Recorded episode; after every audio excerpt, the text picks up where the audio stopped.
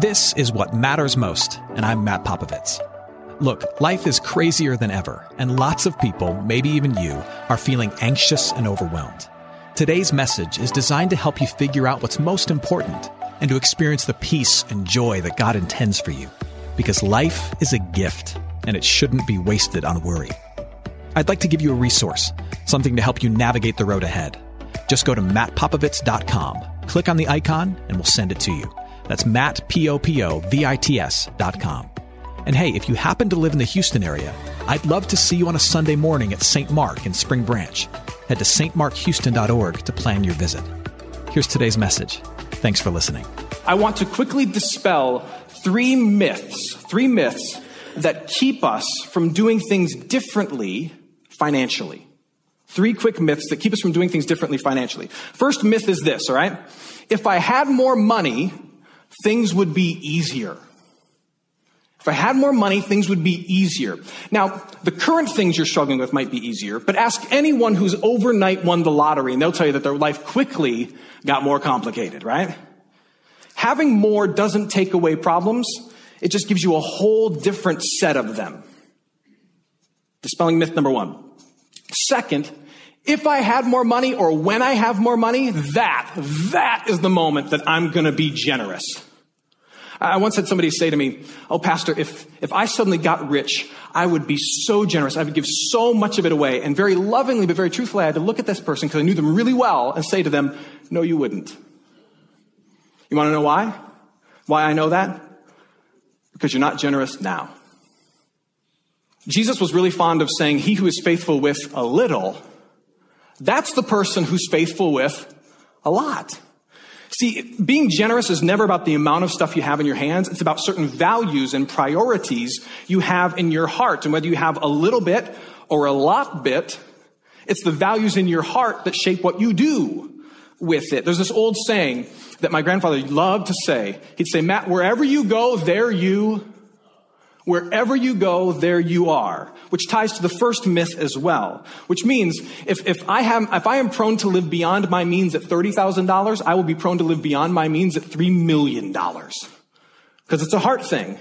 Or if I refuse to be generous with three bucks, I will probably refuse to be generous with $3 million. Because wherever I go, whether I'm in my fancy pants or my poor pants, there I am. Third myth is this. Look, God doesn't care what I do with my money. He cares about my heart. It's about my intentions. It's about what's going on in here, my heart, and in here, my mind. If that were the case, I see what people are getting at with that, but, but if that were the case, then why do the scriptures talk so much about it? You see, here's what God knows. Uh, especially Jesus. If you think about this, if you read the Gospel of Luke, the Gospel of Luke is almost exclusively about money. It's about Jesus, but almost every every um, illustration that Jesus uses, every example he uses, is a financial metaphor or analogy. If God doesn't care about your money and only your heart, then why do the scriptures talk so much about it? The truth is that God knows the role that money and stuff play in our lives the hold it has, the power it has. And because he knows of the power that stuff and possessions, our lack of it or our love of it has on our lives, if he wants to talk about our hearts, he has to talk about our what? He has to talk about our stuff. Because our stuff has a hold on our heart. So if he wants to talk about our hearts, he has to talk about our stuff, which is why Jesus is always dealing with it. In fact, because it's a heart issue, Jesus draws a really sharp distinction between following God and following money. Luke chapter uh, 16, verse 13. Jesus says this. He says, No servant can serve two masters, for either he's going to hate the one and love the other, or he's going to be devoted to the one and despise the other. These are strong words here. Jesus says this, Luke 16, 13. He says, You cannot serve God and what? And money. Here's what Jesus knows. Um, and, and, if, and if you don't like what I'm about to say, don't, don't be mad at me. I'm just the mailman. I just deliver the letters. I don't write them, okay? Um, the, the chief competitor for my heart and your heart, the chief competitor for my heart is not Satan. It's stuff. The chief competitor for control over my heart is not the devil. It's the dollar. and the devil will use the dollar. You kind of tracking with what I'm saying here? Jesus is saying that money and stuff and possessions, and you know this because you, you pay bills like I pay bills, right? You know this. Money is such a strong force that it's going to try and be your master. So much so that as his child, if you're a member of God's family, um, we have to make a purposeful choice. And the choice Jesus says is this look, money, possessions, and stuff is such a powerful force in this world that either, either God is going to drive how you deal with your money or your money is going to drive how you deal with God. It's going to be one or the other.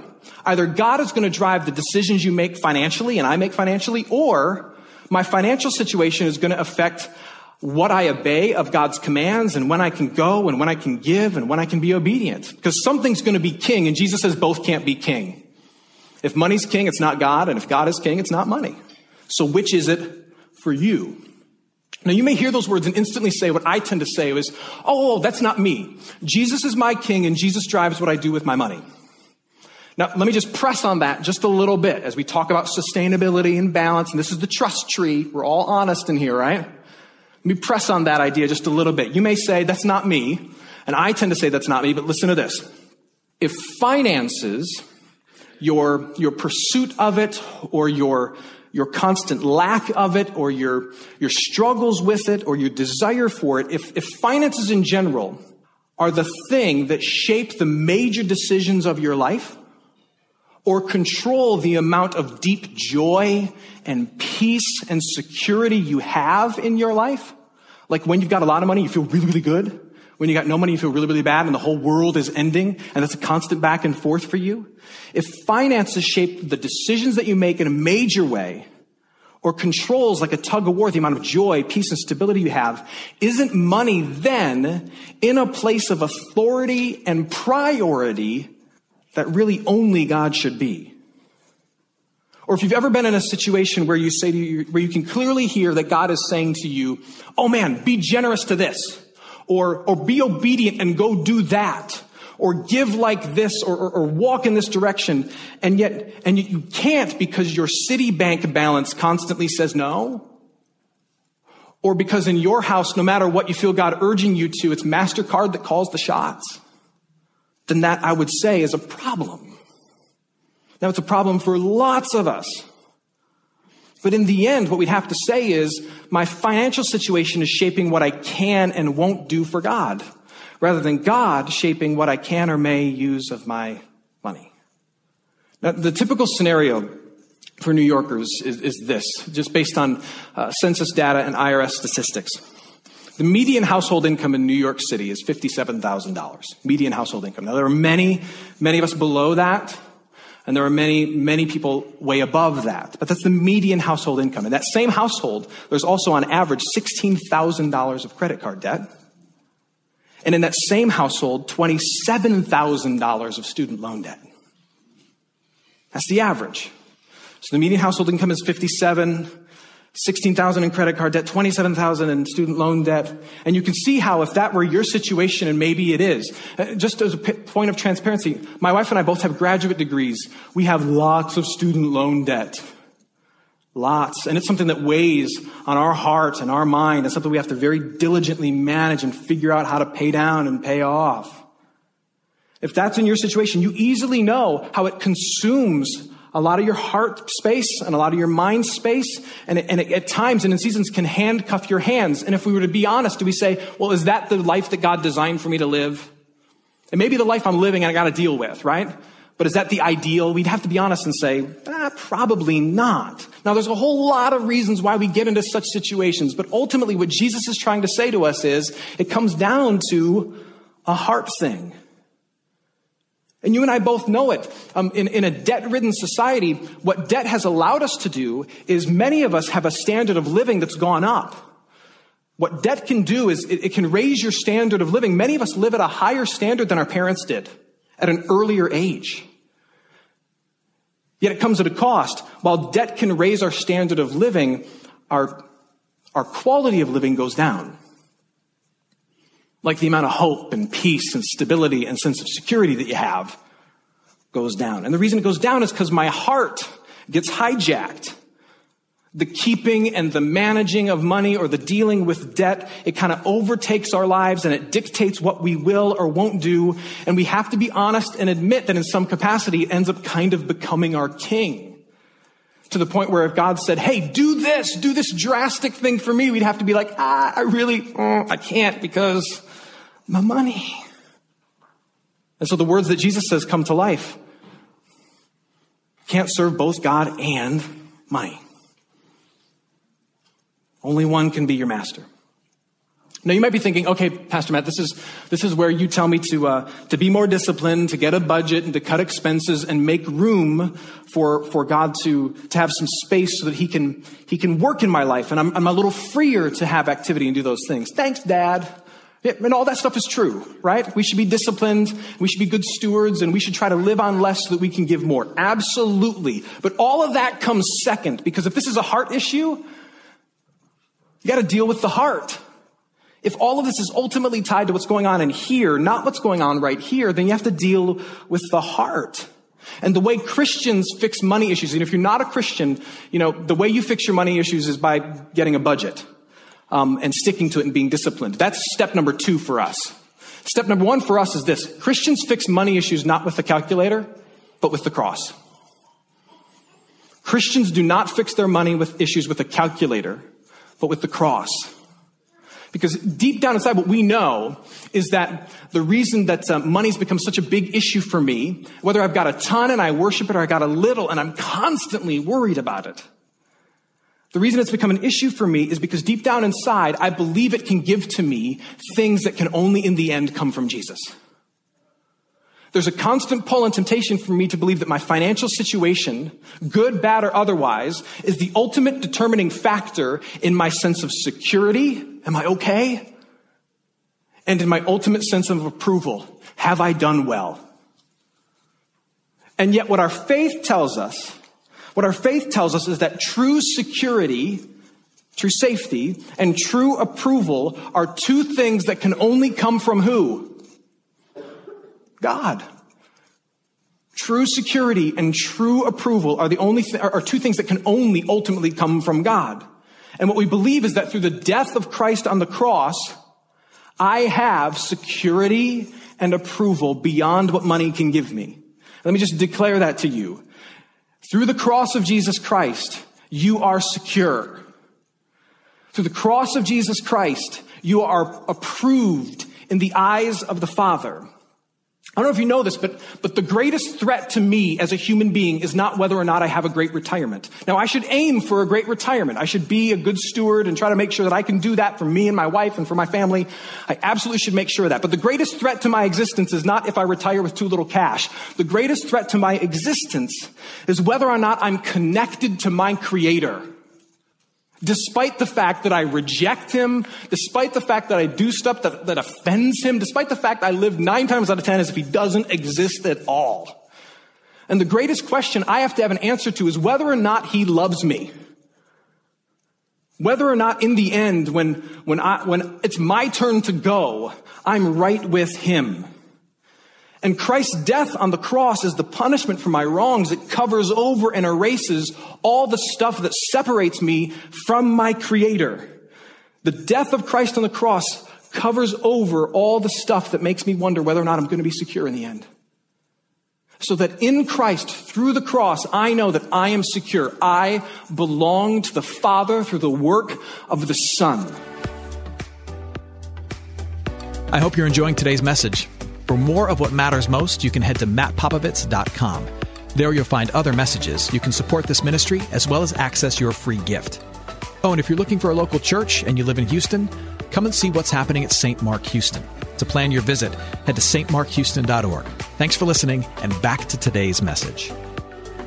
The deeper issue in my life isn't whether or not I'm going to be considered a success at my 20 year high school reunion, whether or not I'm going to be right in the eyes of my peers the deeper issue is going to be whether or not in the end I have lived rightly in the eyes of my creator as a member of creation. And the good news is that Christ has lived the obedient and perfect and diligent life that you can't live and I can't live. You can't live perfect. You can't be right enough in God's eyes.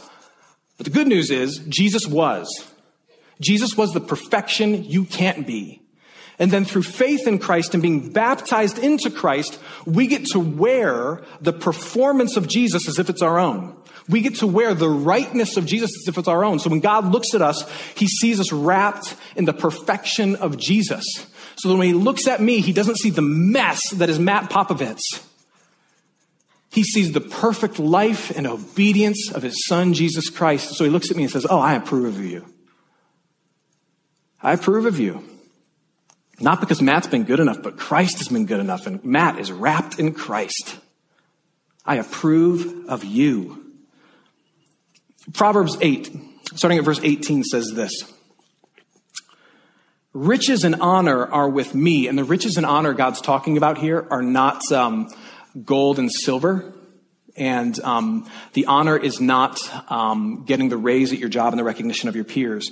Riches and honor are with me. Endur- enduring wealth and righteousness are with me. My fruit, God says, is better than gold, even fine gold.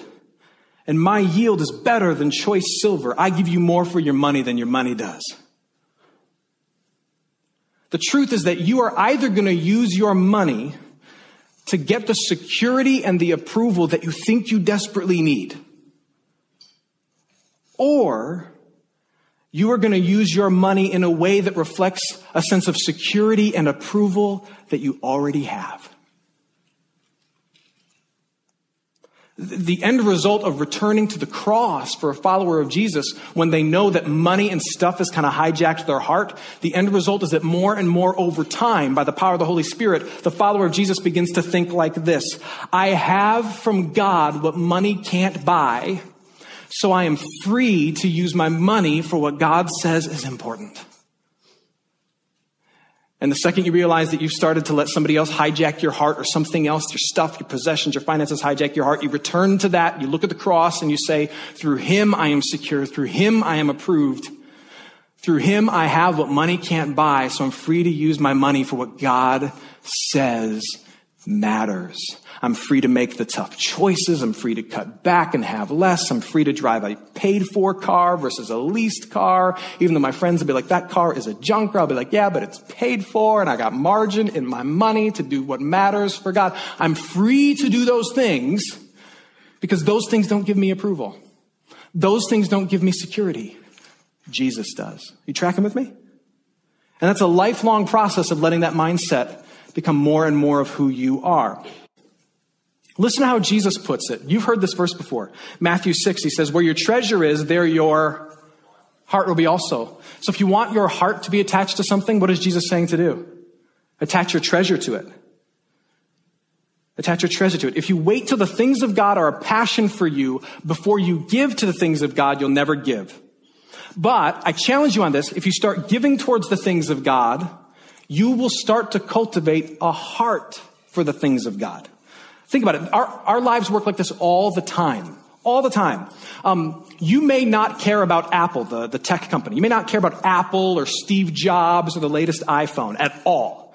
But if I came to you and said, I'm gifting you 10,000 shares of their company, would you care now? Yeah, you would. Or if your wife came home and said, Hey, I took our retirement, I invested it in Apple, would all of a sudden your heart be attached to what happens there? You'd be waking up every morning checking the stock price, hoping Steve Jobs rises from the dead and restores the company to greatness. You'd be praying for that. Your heart would be attached to that. Why? Because your treasure is. If you want to care about the poor, don't just think about the poor and give a handshake to the poor. Give to the poor. Because where your treasure is, there's your heart. If you want to care about the things of God and His work in this world, give to the things of God and His work in this world and see if your heart doesn't follow. I will counsel married couples all the time. And, and they'll say, they'll be sitting on the couch and they'll say, well, we're not really feeling all that loving to each other. And so we don't act very loving. And my counsel is this. Well, if you wait till you start feeling loving, we might as well get the divorce papers out right now. Because the reason you don't feel is because you stopped doing. So here's your homework. Go home for the next two weeks, fake it till you make it.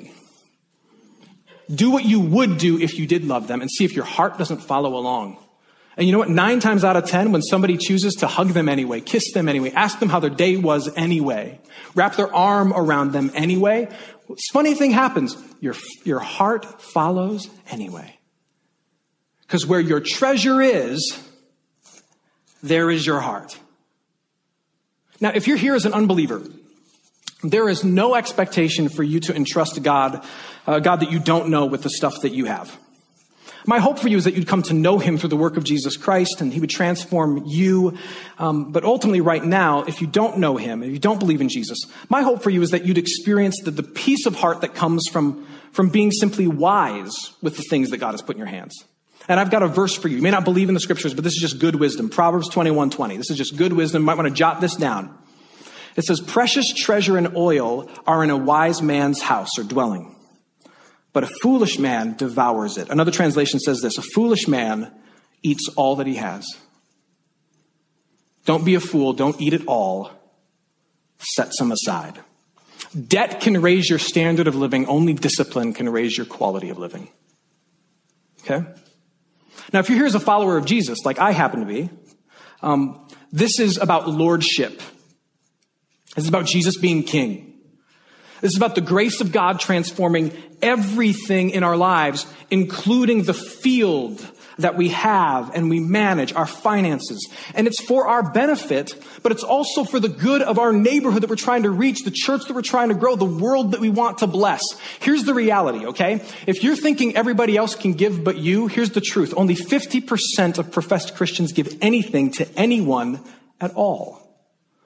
If you look at the IRS data, and then polling data as well, 50% of Christians give nothing to any kind of charity, to anything at all, let alone a tithe to their church. Zero. Of those who do give, the average is 2 to 3% of their net income.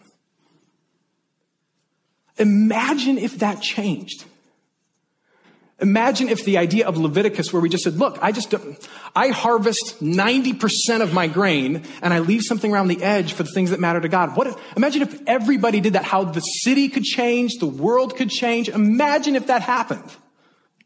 Let me close with this. Two men were stranded on a, on an island. Their plane crashed. They got stranded on a deserted island. And the first man began to instantly freak out, thinking, how in the world are we going to get home? And he started pacing the beach, figuring out, trying to figure out how in the world he could get home. The second man just sat there calmly on the beach, sunning himself.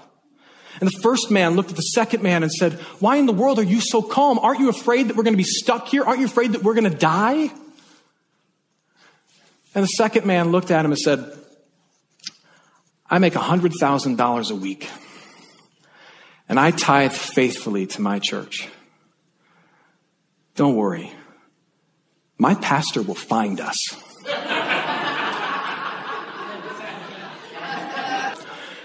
it's tempting to think that um, the, reason, the reason we talk about money is because, because the guy up front wants something from you.